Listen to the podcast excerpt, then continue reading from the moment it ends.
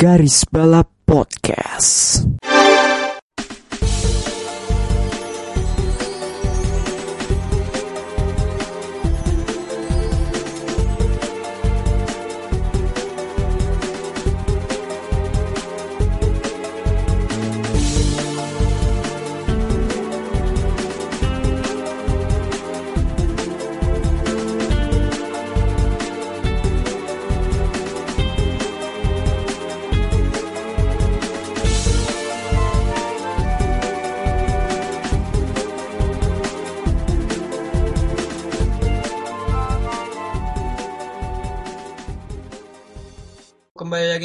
Balap episode ke 112. Bersama gue Bagus. Dan tentu gue tidak sendiri ada Melinda dan Rifki. Seperti biasa. Wadap, wadap, kiki, ra, sweat, sweat. Full line up, Full line up ya hari ini. full line up dari awal. Soalnya kan kalau kemarin kan di pertengahan lu baru tiba. Ya, maaf ya. Tidak masalah karena kita sudah mulai jadi budak korporat. Susah juga sih. Alhamdulillah. Kita semua sudah Selamat bekerja, datang. kawan. Selamat datang di dunia adulthood, kawan-kawan. Ya bagi kalian. kehidupan kehidupan kita nggak dari meeting to meeting. Ya begitulah ya. Kapan kerjanya kita? Ya begitulah ya namanya ya. Eh, kalau udah lu berada di dunia masa dewasa, ya lu nggak mau mau nggak mau harus kerja buat hidup. Kalau tidak kerja, lu nggak hidup, susah juga ya. Tapi ngomong-ngomong so, apa namanya soal weekend kemarin kan ada beberapa event eh, yang mewarnai apa namanya per- dunia permotor permotor sportan. Salah satunya ada Goodwood Festival of Speed 2023. Eh, di mana edisi kali ini sebenarnya menarik sebenarnya ada beberapa peluncuran mobil-mobil mobil yang cukup menarik, menarik perhatian dari berbagai kalangan. Salah satunya ada Lamborghini SC63. Eh, mo- mobil Lamborghini yang akan digunakan untuk untuk mengikuti WEC dan IMSA musim depan. Eh, gua kira itu mobil buat tribute buat George Russell. 63 ya. Ya, nggak salah sih Anda. Ya, dan secara tidak langsung itu ada logo garis balapnya ya, emangnya. Yoi. Kalau kita udah siap, kita kita tuh udah betul kita tuh investor loh di Lamborghini loh. Kita udah siap nih Kita- bahasa kita- Lamborghini nih. Kita bagi saham di Lamborghini. Yoi, kita siap membela Iron Ring sampai mampus. Tapi Ini eh, Sampai ini kita pusing gitu. udah, udah siap, udah siap nih membela Panji-Panji dan Ilkesnya dan Roman Grosjean dalam satu tim nih. Kita udah siap nih. Ini kita menyebut menyebut fansnya eh, sebagai tornado, eh, torpedo ya. Tapi kalau oke kita mungkin bicara seriusnya mungkin kalian SC63 ini. Menurut kalian gimana? Dari bentukan atau mungkin semacamnya? Cafkes. Cakep sih, cakep sih. Cakep kan? Cakep sih, cakep. Pas Ya, itu kalau- gua gua ngeliatnya sih cakep. Approve. Kalau tampak sih cakep. Hmm. Kita lihat performanya ya. Hmm. Percuma mobil lo cakep tapi ujungnya jadi parung. Udah. Ah, gua nggak nge-expect banyak ya untuk musim depan dari Lamborghini karena pabrikan masih baru dan juga treatmentnya mungkin berbeda ya. Mungkin ini mobil belum pernah diuji coba. Tidak seperti BMW atau mungkin Porsche. Dan persiapannya udah tinggal berapa bulan lagi dan ini baru diluncurkan. Jadi bagi mung- ya ah, keputusannya bijak untuk tidak ikut Daytona eh, langsung ke debutnya di Qatar musim depan di WEC Eh, dan langsung ke Sebring juga gitu kan Eh, dan juga di IMSA-nya juga tidak mengikuti full season Oh, hanya ngikutin endurance. Endu. ya endu doang. Di Daytona mereka konfirmasi kok udah nggak nggak ikut Daytona. Diperkirakan. Uh, Iya, sayang banget. ya persiapan juga dan juga kan juga eh, mereka juga kayak belum tidak akan terbuka untuk customer juga sampai mungkin 2027 ke atas. Eh, dan juga ini project baru untuk Lamborghini dan ini adalah apa namanya pertama kalinya Lamborghini di apa ber- bersaing di kelas utama dan ini akan menandakan comebacknya Lamborghini sejak 2010 di Le Mans. Oh Eh, iya, ya udah sejak lama ya terakhir bukan. sejak terakhir kali memakai mobil Lamborghini Murcielago GT1 Itu tahun berapa? 2010 2010. Udah lama ya? Udah 13 lama. tahun loh. 13 tahun. Dan ya ini pertama kalinya Lamborghini akan pakai mobil prototype dan juga ya kita lihatlah kiprah Lamborghini seperti apa musim depan. Tapi untuk Sisa mobilnya dua, sisa dua slot yang kosong ya? sisa dua slot seat. Eh tapi yang gue dengar-dengar dari si siapa sih namanya kepala divisi motorsportnya Lamborghini Giorgio Sana itu dia bilang eh lebih bebas. Ininya apa sih namanya? Kursinya buat siapa saja. Nggak ha- nggak hanya untuk pabrikan Lamborghini tapi kayaknya juga kalau dari pabrikan Lamborghini hanya tersisa dari yang pembalap GT-nya doang gitu loh. Yang yang yang lebih berpengalaman kan Bortolotti sama Caldarelli dan kemungkinan kedua pembalap ini akan fokus ke LMDH eh jadi kemungkinan mungkin ya rumornya ada yang bilang Marciello akan masuk Oh, ada juga yang bilang ya terbuka lah pokoknya kursi apa seat untuk Lamborghini.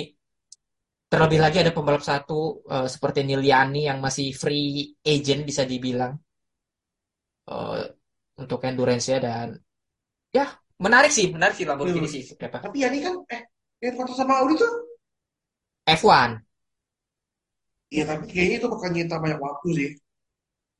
Lagi ya, we'll see seperti apa dan juga di Goodwood Festival of Speed kemarin banyak ya kejadian-kejadian yang Ini sebenarnya ya sepanjang gue ikutin Festival of Speed, ini mungkin kecelakaannya paling banyak sih. Paling banyak ya. Aduh, aku ingat. Korban pertamanya ya Hyundai Hyundai. RM22E. Ya atau Ioniq 6-nya versi high performance lah. Performance. Itu Yang Tam- paling, itu yang nabrak jerami bukan sih? ya jerami.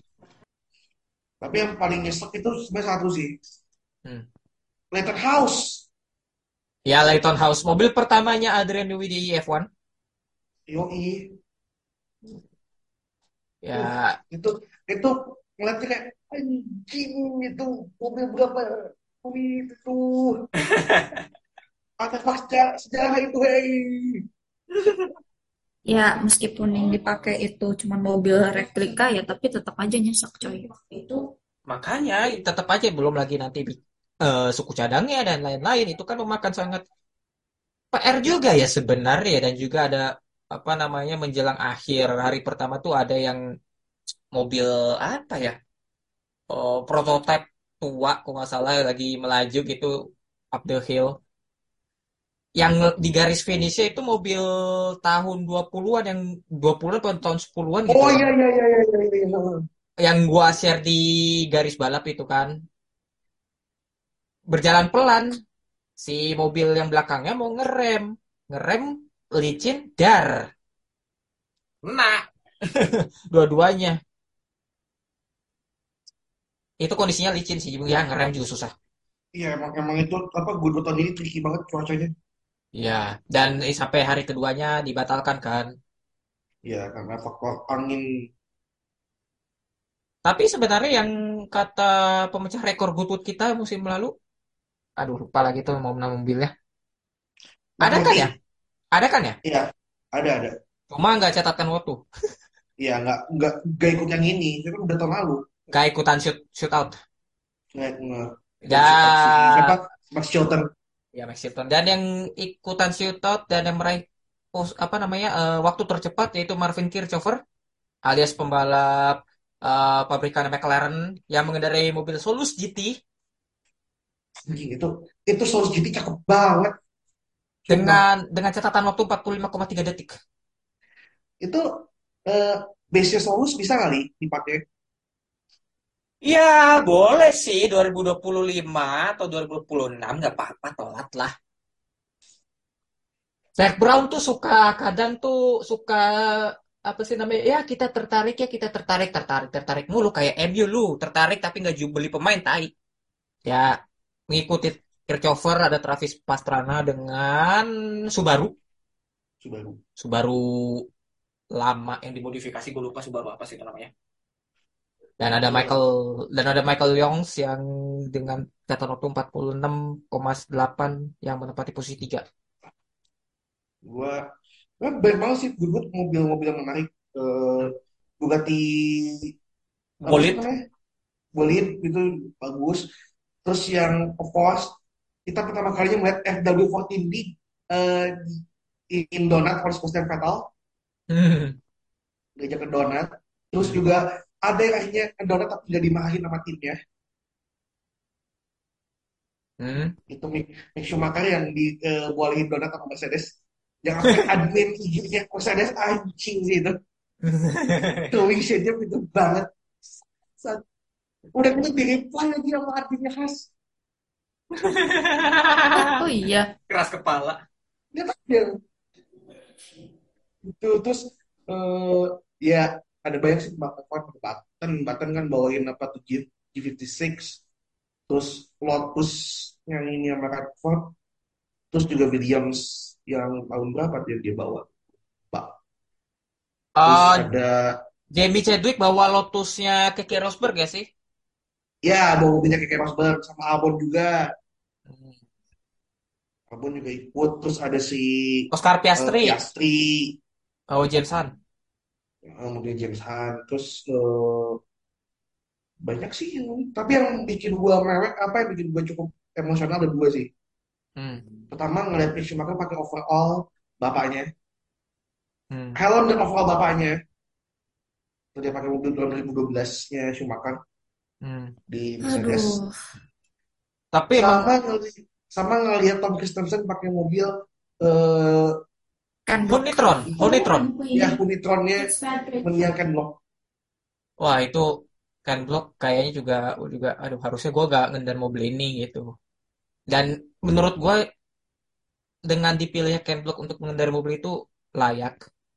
Mengingat Oh, bahwa Christensen juga pernah berkolab sama Ken Block juga di Las Vegas. di Vegas. Dan aduh, mungkin gua katakan ini sekali lagi dan gue berharap banget Ken Block bisa nyoba Audi R18, but it itu tidak akan pernah terrealisasikan. It's this, this can block. Ya, ini Anaknya ikut ya? Sama itu. Kenapa? Anak anaknya kan blok tuh ikutan XDT ya? Iya, Iya, iya, iya, iya, iya. Alice. Lia, Si Lia, Eh, Lia, sorry. Lia, Iya. Lia Block. Lia blok.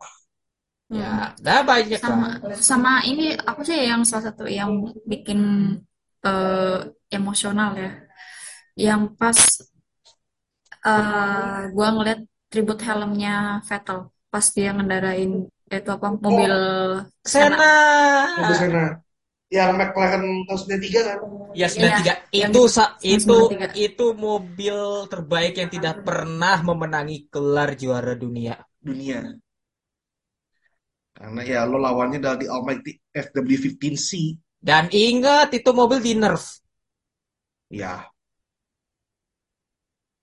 Dan ya itu itu itu itu itu juga tribut yang sangat bagus sekali dari Sebastian ya, Vettel. ya dan itu kan itu BTW eh, dua mobil FW14 yang dibawa sama Sam ya, FW14B sama McLaren yang MP4 berapa sih? Eight, Itu yang berarti eight, eight. MP4 8 ya? Hmm. MP4 8 tahun 93 itu itu mobilnya Sam pribadi dia beli. Ya, Dan itu itu run on eh, carbon neutral fuel. Hmm, itu ya apa eh, e-fuel bukan sih? Aku nggak tahu apa namanya Nggak tapi tahu pasti apa tapi eh, itu tuh inisial bag- itu kan sama kayak yang waktu tahun lalu loh. Iya, Mm-mm. iya tahu tahu. Eh, nama inisiatifnya itu A Race Without Trace. Nah, Ya. iya, kan sudah crash. Ya, pokoknya dengan bahan bakar itu menjadi alternatif lah ya, bisa jadi. Eh, tapi ya itulah mobil banyak sekali mobil-mobil di Festival Good Speed, ada Lamborghini Revuelto yang pertama Ya. kali dilajukan di depan publik, eh, penerusnya Aventador, lalu ada ya berbagai macam Ioniq N, Ioniq 5N, terus ada juga eh ya banyak lah banyak mobil-mobil menarik sih dan juga MotoGP juga ada kan eh Go Gas-Gas Paul Espargaro Ada Oh iya. gas-gas, ada terus itu, aduh apa yang eh Peko sama. Casey, uh, Hmm. oh ini sama siapa? Peko kan? ya iya oh ya sama oh ya, Peko. jangan lupa eh, satu lagi ya eh ada hal menarik lainnya di Goodwood juga di mana seorang Rowan Atkinson ya seperti Oh, yang kita kenal Mr. Bean menjalankan mobil Toyota GR Yaris H H2 konsep yang di mana itu mobil ditenagai oleh hidrogen. yoi. Ya, seperti yang kita tahu lah ya, ini apa pabrikan-pabrikan ini sedang mencari energi alternatif untuk menggantikan internal apa namanya menggantikan bensin. Dan Toyota adalah salah satu pelopornya dengan bahan bakar hidrogen. Dan dari cara ngejelasinnya gue suka sih. I mean, kalau misalnya apa ya? Kalau misalnya eh, dia jadi dosen dosen apa pokoknya eh, eh, jurusan teknik gitu, teknik mesin. Atau Gue mau atau dosennya dia dia. ini atau dia eh, ngisi 10X. Ya, gue mau gue mau dia, gue mau dia yang jadi pembaca pembicara. Jelasinnya tuh Sign me up, sign me up for that. pembawaannya tuh gue suka, gue suka, gue suka. Emang emang kita seperti yang kita tahu dia tuh ada sarjana gitu kan, sarjana teknik gitu. Bukannya dia itu ya master ya? Ah, gue lupa. Setahu aku master deh dia tuh. Ya intinya kan dia juga intinya kan dia ahli ahli dalam permesinan juga kan sebenarnya.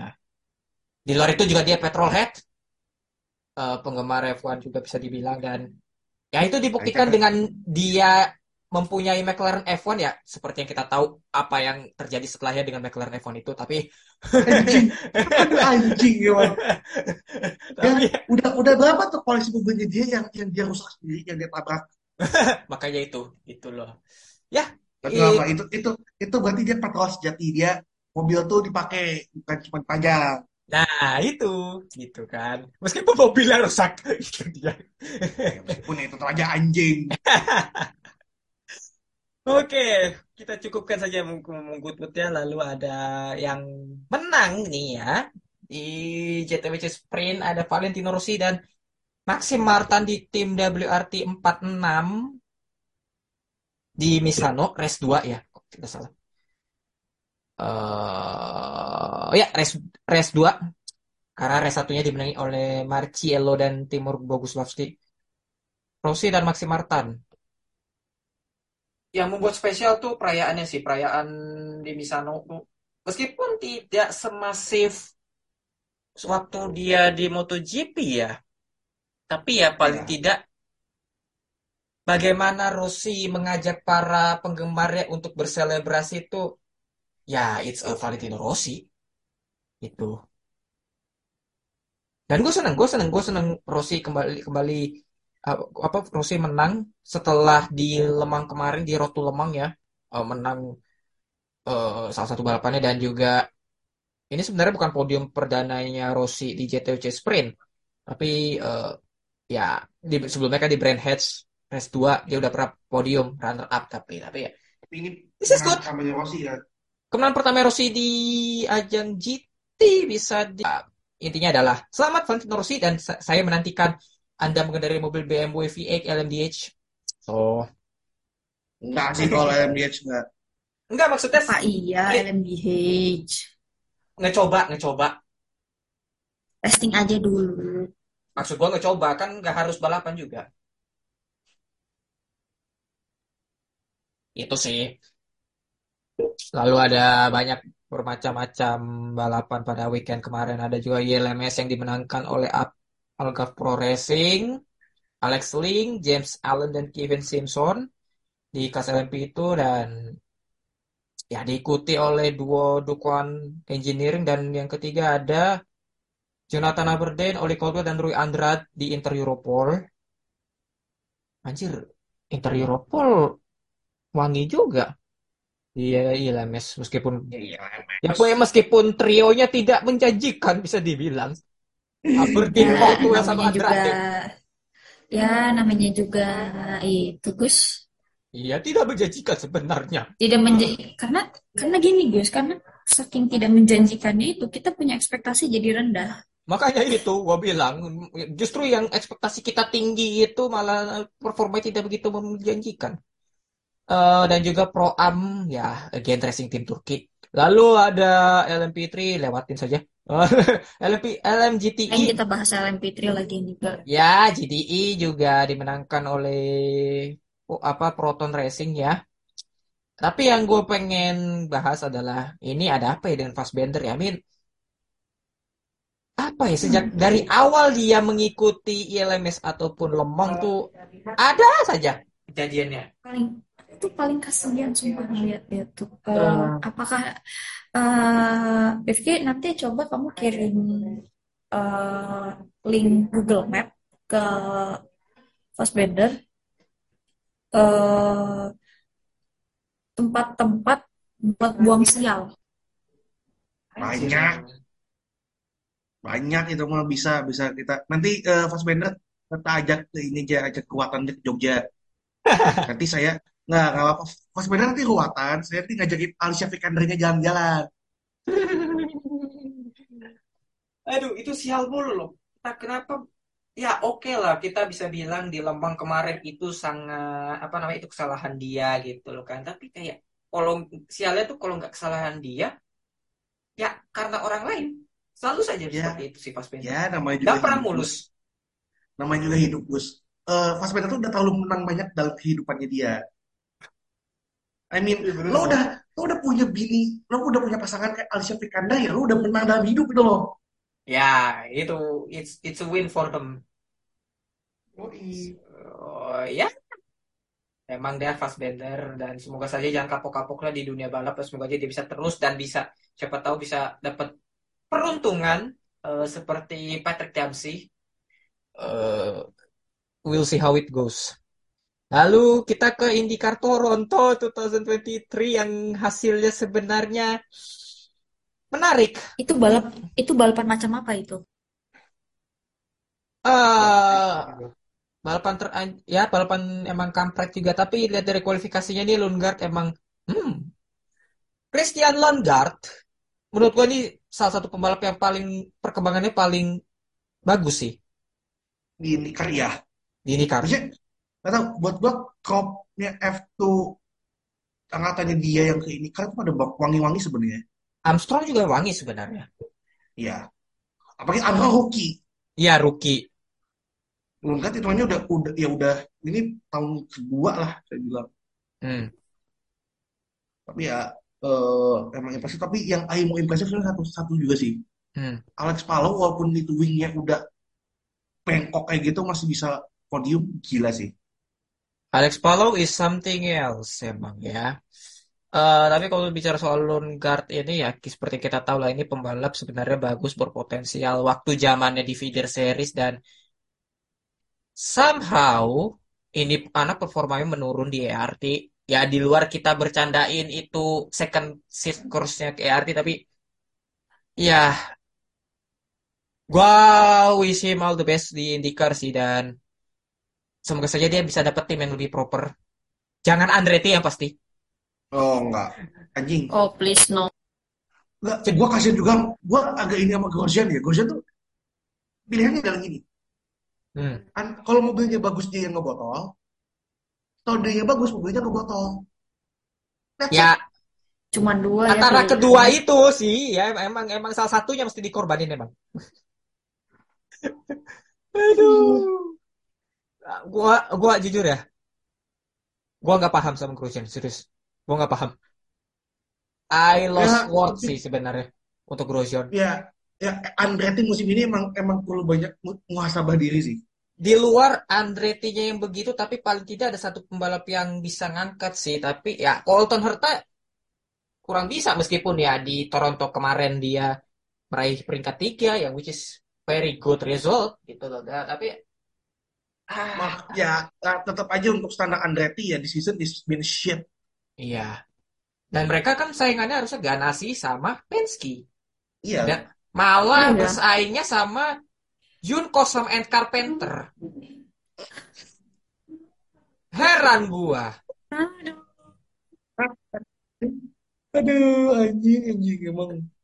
Padahal musim ini tuh Gojek udah, udah, udah ini loh. Ya, At, at, at the beginning of the season kayak, ah bisa lah inilah gitu loh. Ayolah, bisa lah. hmm. Gak paham gue. Gue juga gagal paham sama Grosjean sebenarnya. Tapi selamat untuk Christian Lundgaard dan eh, dengan ini Palo memimpin klasemen ya, masih di Jauh. puncak poin jauh sekali. Jauh. Ini, ini eh, season yang Alex Palou tulus sih sebenarnya. Di, di season ini, ini sisa berapa balapan lagi berarti? Ini Laguna. Eh, 117 poin. Udah jauh itu sebenarnya. Jauh Tapi kan dan- Ya mungkin ini ini Alex Palou ini komoditas yang sangat menarik sebenarnya untuk ya siapa tahu nanti dia akan pindah dari Chip Ganassi yang which is kayak nggak begitu ini dan siapa tahu gitu kan dia bisa ke F1. Ah. Ya kita lihat saja Alex Palou seperti apa kiprahnya. Nah, saya sih pengen sih ngeliat, saya sih pengen ngeliat sih Alex Palou ke F1 jujur. Ah, Lebih pengen Palu sih daripada Hetva. Oh, eh, enggak, tapi, tapi ini masih masih masih banyak sih sebenarnya masih ada sisa I- Iowa dua kali kan, dan Hmm. terus Nashville, terus eh, IMS lagi, ya. eh, apa eh, Bomarito 500, Hmm, Portland sama ini Laguna Seca penutup. Ya. Masih ada sisa, Hmm, masih ada masih ada tujuh balapan lagi. 78 Ya, tapi masih ya, lama. tapi ya most likely ini Palou sih dan I think he dia nggak akan ngebotol. Ya, sebotol-botolnya Palou dia bisa lebih konsisten lah meskipun dia tidak menang. We'll see how it goes. Eh, untuk Alex Palou dan kiprah Alex Palou dan kita ke non beralih ke mobil balap listrik Formula E. Eh di mana namanya race satu ya race. Kan ada dua, dua race kan sebenarnya? Ya, Ya, ada dua race. se se se se iya race satu. Race satu dimenangkan oleh sorry em, dimenangkan oleh Mitch Evans di dan juga di posisi dua Dominic Cassidy dan tiga Maxi Gantar. Lalu di race dua hasil balapannya ada Jack Dennis yang memenangkan balapan. Dan Norman Nato em, di posisi runner up dan Sambert di posisi ketiga tumben-tumbenan Sambert wangi ya pada balapan kali ini ya itu Gue kan ada tumbal. gue Itu tumbalnya siapa? Iya enggak. Gus.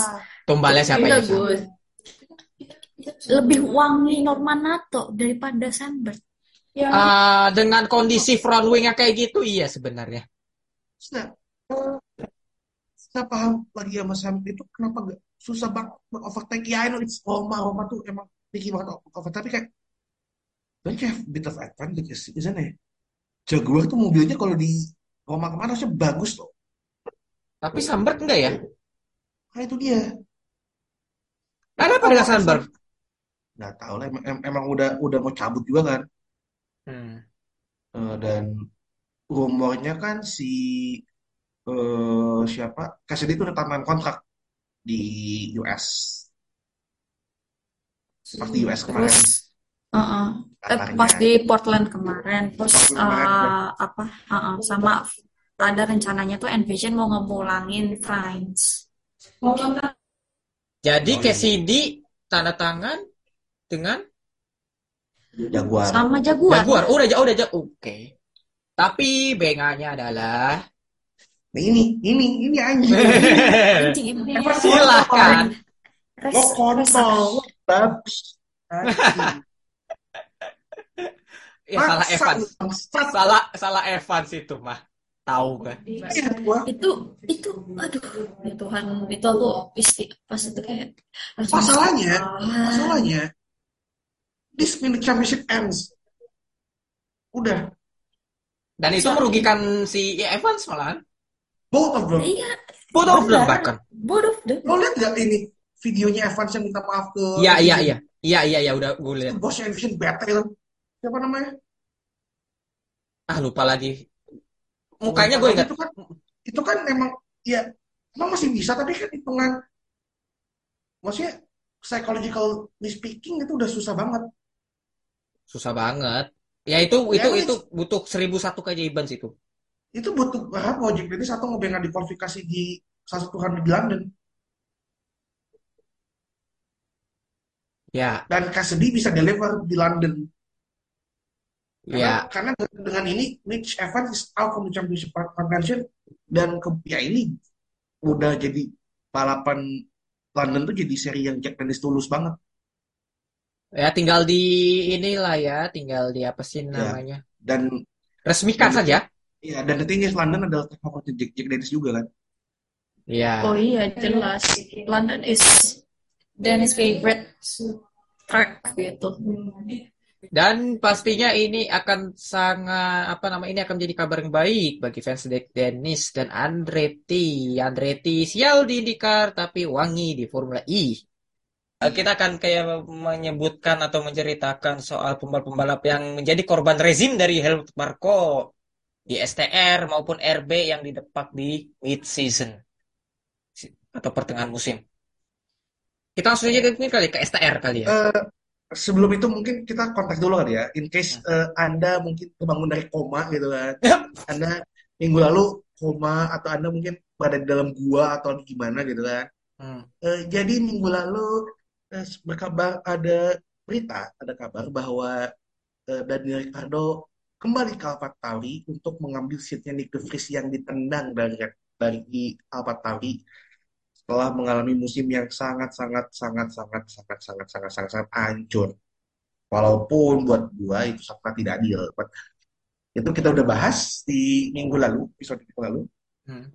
Kali ini kita akan spesial membahas eh, mereka-mereka yang jadi tumbal dari eh, kegilaan orang yang matanya udah picak sebelah. Timpa batu, batu vulkanik. Itu vulkanik di pegun gitu ya di Styria ya. Iya.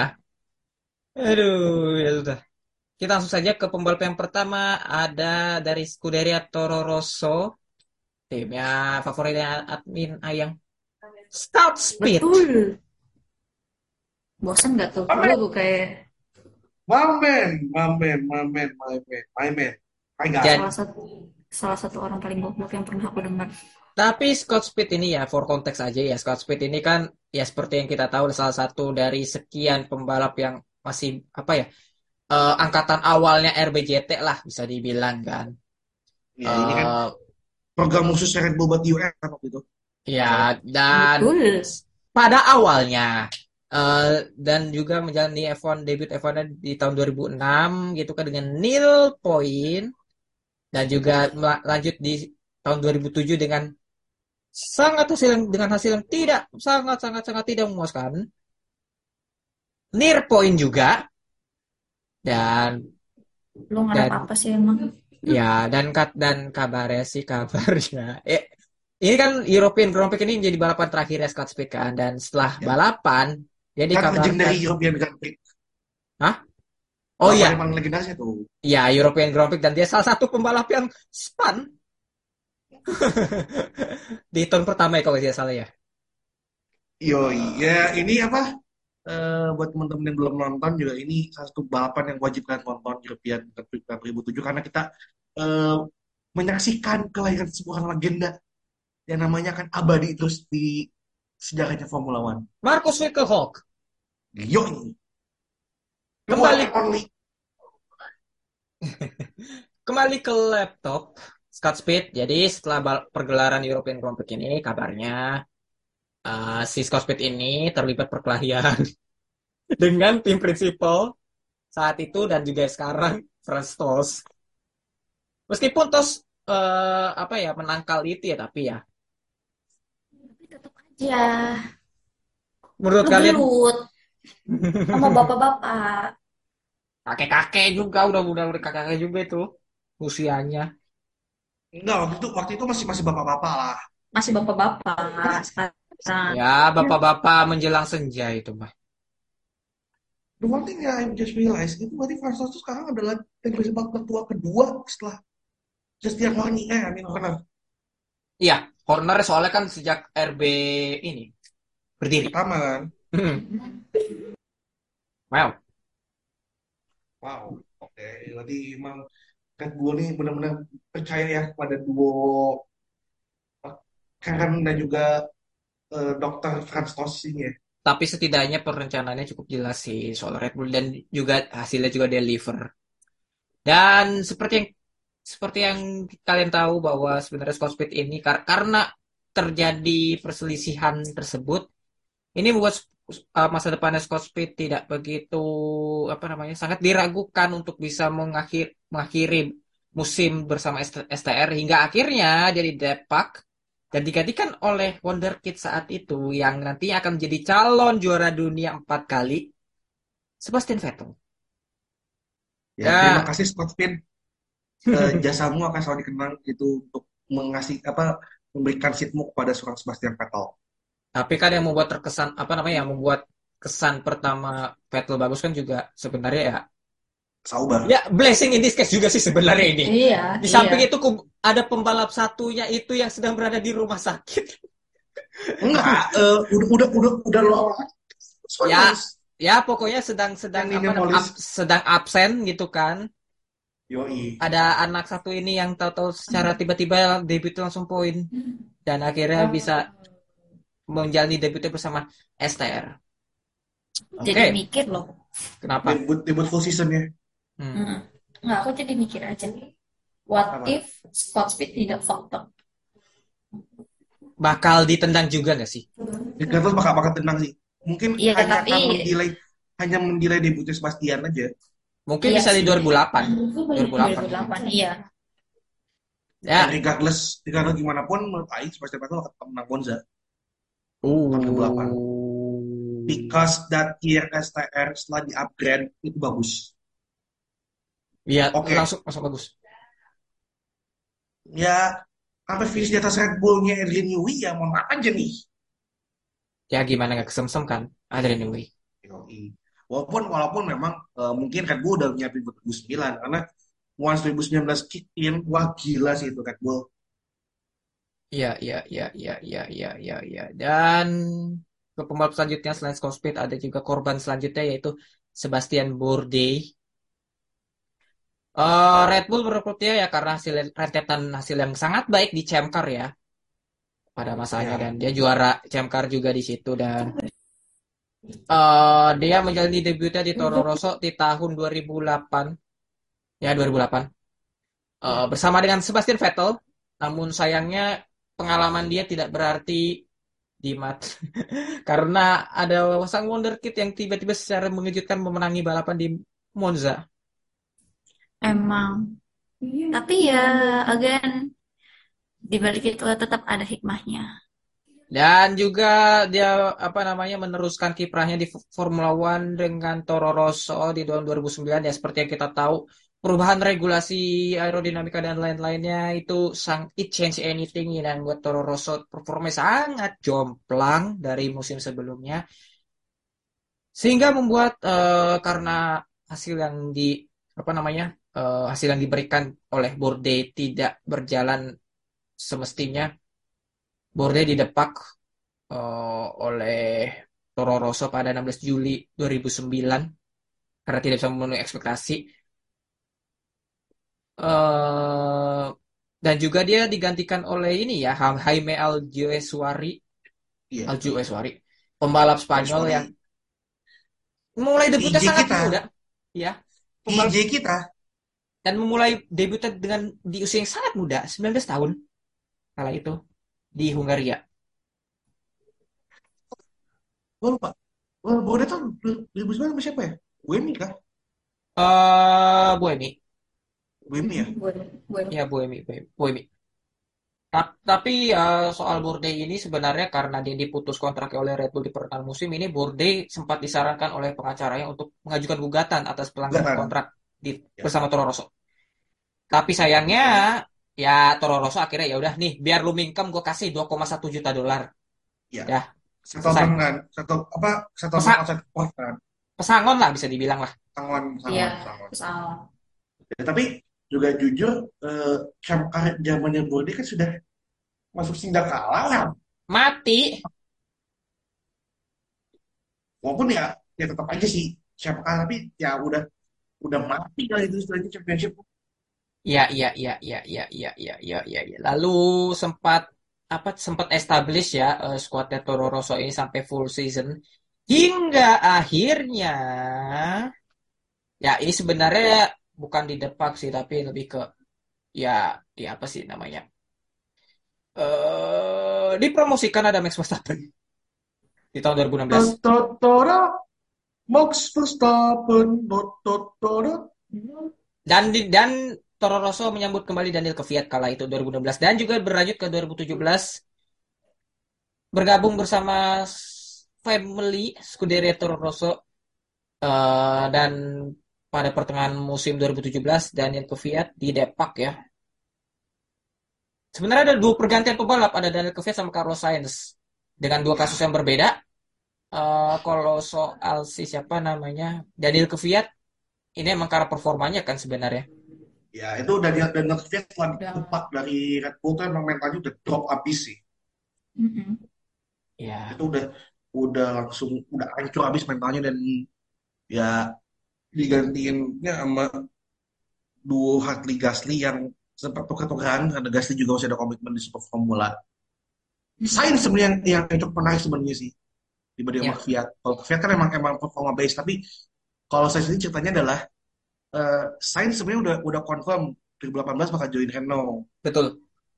Eh, tapi karena eh, kesabaran Renault akan pembalap terbaik eh, UK yaitu Jordan Palmer itu udah habis Eh, dan dia juga eh, gak bawa duit lagi ke Renault.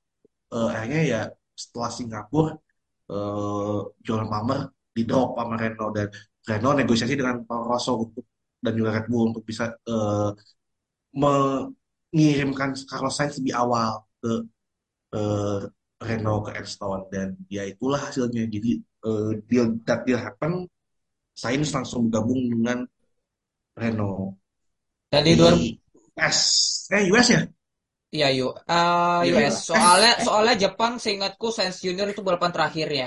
US apa Dan- Malaysia ya lupa aku Ya pokok pokoknya balapan terakhir ya Sainz itu di Jepang aja sama Toro Rosso. Eh, dan dan pokoknya nih 2017 sih sempat gontok-gontokan nih Kvyat sama Sainz Junior ya. Ya salah satu kasusnya ya British Grand Prix Silverstone. Ah. itu, itu itu itu tim radionya Sainz Junior sih itu. You can you can Aduh. tell you can tell to Dani he did a great job there. Gua juga What do you expect sih emang? Ya itu emang desperate-nya Daniel Kvyat aja itu mah. itu Sus. itu, itu Daniel Daniel udah benar-benar satu desperate udah udah udah benar-benar hancur habis mentalnya Hmm. Tapi itu bisa dikembali apa eh, Kvyat menyambut kembali apa Ter- Toro Rosso menyambut kembali Kvyat di tahun 2019 setelah jadi test driver Ferrari untuk satu musim saja. nah nggak ada pilihan lagi Ya emang ya nggak ya benar emang nggak ada pilihan lagi gitu. Ngar- Ngarepnya sama ngarepnya sama Dentiktum tapi Dentiktumnya ya udahlah seperti yang kita bahas. Identiktumnya malah jadi dickhead. ya Ya. ya dan dan itu berubah jadi dan titik dan diktatamu udah Nah, Ya gimana ya sebenarnya tuh Diktum is a good driver, good driver, I must say, but attitude. he's not at the level. His attitude is not the level that I think even Marco aja kayak turn down. Ya, Ya, apa? Ya, ya, ya. is is nah tapi kalau kita lihat di waktu sengaja waktu kita di IPRIK ya itu tuh is is is nice guys but ya ya Yeah, he's a nice guy, but uh, is is is nice guy, but ya mungkin attitude di dengan timnya itu sih yang bikin dia uh, ya gitulah Dia tuh kayak kalau kalau gue lihat ya Dentiktum tuh karakternya dia itu kayak slow, gak mau ke pressure atau gimana gitu. Ya. Kelihatan ya dari orang apa ya, easy going lah bisa dibilang. Tapi mungkin nih orang juga belak-belakan bisa dibilang ya Dentiktum tuh. Dia pokoknya gue pengen ngeluarin ini, gue keluarkan. Itu itu yang emang menurut gue salahnya di si. Ya oke, gak masalah dengan lu eh belak-belakan, but tempatnya gitu loh. dengan lu mencak-mencak mencak-mencak soal mobil lu di depan media dan tim lu nggak suka, ya itu susah, susah emang. Say goodbye to your seat. Udah basically. Ya itu mah itu mah udah udah udah udah udah ngebuka pintu untuk bye bye gitu kan Eh, kepada Toro apa eh, apa Red Bull. Ya. Oke. Tapi eh, ya again 2019 itu kan case-nya emang eh, Daniel mendadak cabut ke Renault, Red Bull bingung, terus ya ada lihat Gasly, ini juga mereka lihat Hartley juga, ya itulah, kan, Itu udah itu untuk the, the better gitu kan. Eh, jadi ya dia cuma bawa balik itu dan mencoba mengambil Alex Albon yang memang musim jadi F1 18 itu ya bagus. harusnya dia ke Nismo. Harusnya Iya, dia. dia tuh harusnya udah gabung sama Iya. Dia udah tantangan dan udah udah Cuman kan udah bersiap itu sebenarnya kan Albon tuh udah udah udah, udah tanda petik udah udah siap untuk move on dari mimpinya ke F1. Hmm. iya, iya. Taunya kan ternyata dipanggil lagi. Ya, itu dan kalau di Abu Dhabi Albon pun ya, for your information itu dia nggak nggak ikutan position test sama Red Bull loh, eh sama sama Sama Rosso loh. Ya, Rosso. intinya tuh awal musim 2019 yang kata dia ngendarain mobil F1 pertama itu, it- ya ngendarain mobil STR tahun itu itu pertama kali dia ngendarain mobil F1. First gitu loh. Jadi ya emang begitulah. Lalu kita pindah aja ke RBR ya. eh, Red Bull Racing pembalap pertama yang apa namanya yang didepak di mid season untuk Red Bull adalah Christian Klein di tahun 2006. Mulai debutnya di tahun 2005 bersama Red Bull Racing bersama dengan pembalap apa namanya pembalap yang demen demen foto di pantai David Coulthard. Eh, Kawan-kawannya Botas dan yang eh, mukanya paling kotak. aduh duh. Gitu kan. Coulthard. Eh, tapi gitu-gitu, gitu-gitu dia udah pernah eh, cheating death juga loh di Barcelona anjing. Sialan emang ya. Ah sebet eh, sorry eh, bu- bukan 2005 deh Eh, bukan. 2004 2000 bersama Jaguar. Eh Jaguar. ya itu menjelang menjelang Red Bull Racing itu. Lalu lanjut ke 2005 dan 2006 dengan hasil yang tidak memuaskan hingga akhirnya di Cina dia didepak. Dan digantikan oleh Robert Bors. Yoi. Eh, sebenarnya ini klien juga sebenarnya Red Bull masih berbaik hati saat itu pengen apa namanya oke kita mendepak lu tapi lu ha- apa harus mengikuti CM Car tapi dengan sponsor Red Bull gitu tahun untuk tahun selanjutnya tapi ya yang namanya anak muda skala itu kan pengennya tetap di F1 lah ya dan dia akhirnya prefer untuk memilih tim lain gitu loh dan pada akhirnya nggak dapet kan Meskipun jadi test driver, jadi test driver bersama Honda. Dan pada akhirnya tidak dipromosikan jadi pembalap utama. Ini buat apa? Lo Iya. punya line up isinya yang satu mantan pecunnya mantan pecunnya Schumacher, yang satunya lagi ya playboy pada masanya. Button dan juga Barrichello. Iya, iya, iya, iya, iya, iya, iya, iya, iya. Dan juga itu tim Honda juga lah. apa namanya sedang berada di ujung tanduk itu nasibnya di F1. Eh, waktu Ya. itu belum, belum, Gus. 2007, 2007 2008. Ya, tapi 78 tuh emang fase-fase declining lah setelah 2006-nya anjing. Gokil tuh 2006-nya tuh. Ah, 2007 udah mobilnya jelek, livery juga jelek. Livery, livery, livery, livery apa sih namanya livery bumi, Go tapi mo- mo- mobilnya ice anjing. Ya, itu kan itu kan membumi, membumi gue. Saking membuminya ke dalam banget, 2 meter di bawah tanah. Membuming, tapi membuminya nggak dapat poin. Itu dia. Yoi. Jarang sekali dapat poin. Eh, lu ya seperti yang kita tahu lah ya, ini eh, cukup cukup stabil line up-nya Red Bull. Lalu akhirnya terjadi pergantian pembalap di 2016. 16. Daniel Kvyat diturunkan, ditukar sama Max Verstappen yang seperti ditukar. Ya seperti kita nggak usah ceritakan itu ya karena kalian sebagian besar juga pada tahu ya. Eh kenapa Daniel Kvyat didepak? Ya. Tapi Dan tapi tapi tapi yang tapi sorry sorry. tapi Tapi sorry, eh, ini sebenarnya ada kaitannya sama insiden dia sama Vettel kah? Bisa jadi sih, menurut Aing, nggak tahu ya. Padahal 2015 ya sebelum dia kasihin Suzuka, Hmm. tapi ya tuh gila sih. Ya. Ya, ya he's basically ngasepin Daniel Ricciardo. Di luar ya, ya a lot of shit happen ya sama, sama Daniel juga. Tuh, tahun 2015 tuh. Hmm. Eh, Renault engine. Iya. iya. gitu. Tapi eh karena ya mungkin di 2016 kebanyakan eh, nusballin Vettel terus Iya. Tapi ya 2016 nih juga ditorpedoin dan ya puncaknya Rusia lah ya bisa dibilang. Dan iya sih agak agak perasaan juga sih gua sama cerita yang sesungguhnya di balik layar itu loh. kayak Fiat juga nggak ngasih tahu itu sebenarnya deh. Belum belum ngasih tahu ya. Enggak. Dan ini berlanjut di tahun 2019 ketika Pierre Gasly, pembalap kesayangannya admin Ayang, eh, Betul. ditepak, ditepak di pertengahan musim dan ditukar oleh Alex Albon yang ber- sebelumnya berada di Scuderia Toro Rosso. Ya, performa per- per- performa ya alasannya. Ya bukan cuma performa, Iya. juga sih.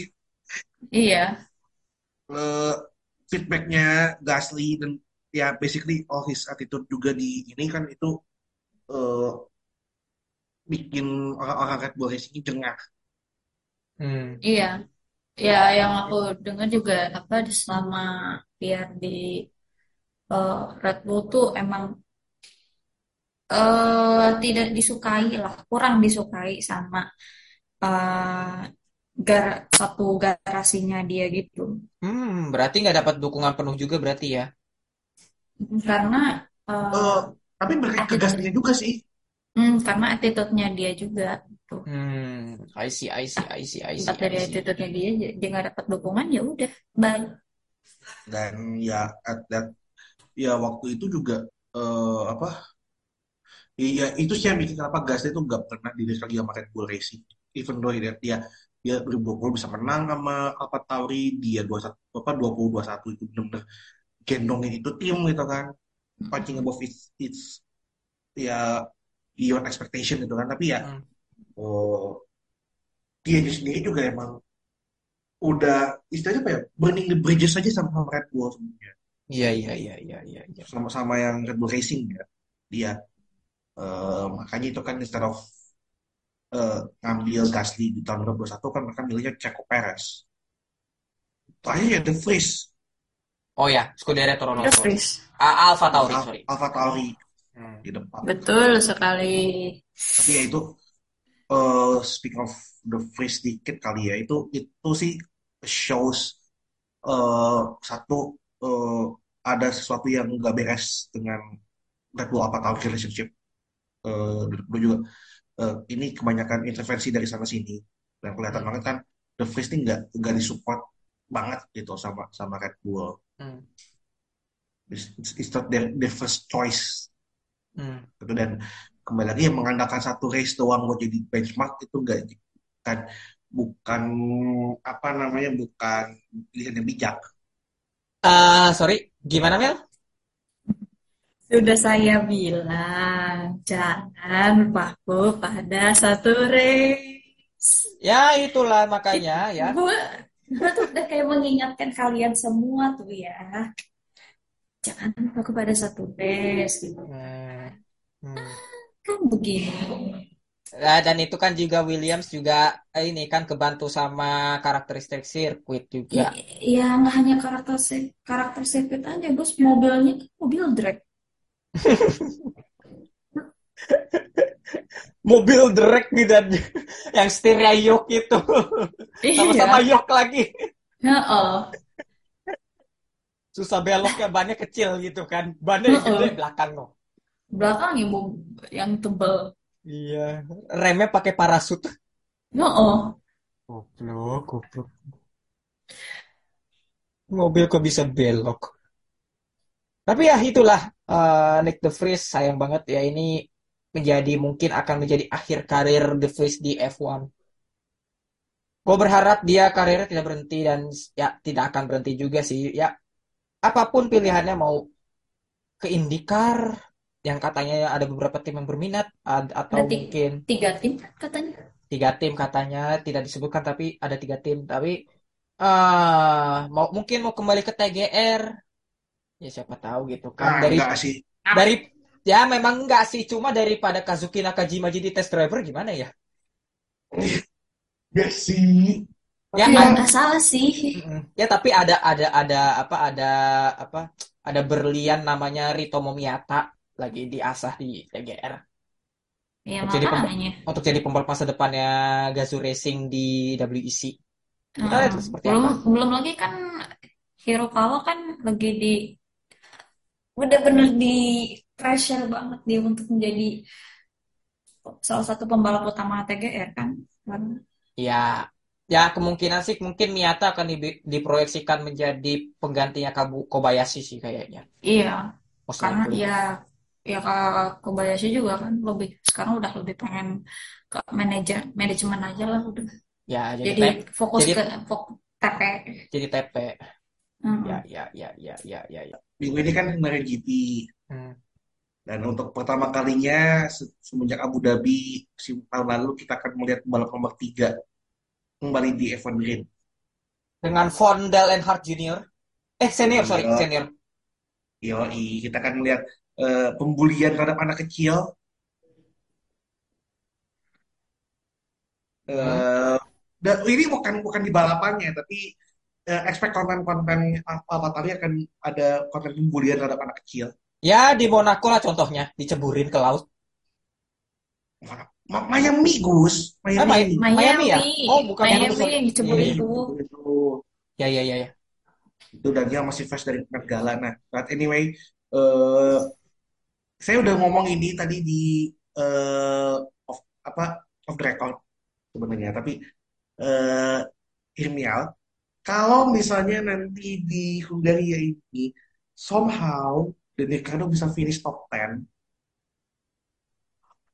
saya admin magang akan melakukan Shui live on cam ketika kita tapping lagi minggu depan. Catat ya. Catat itu semuanya.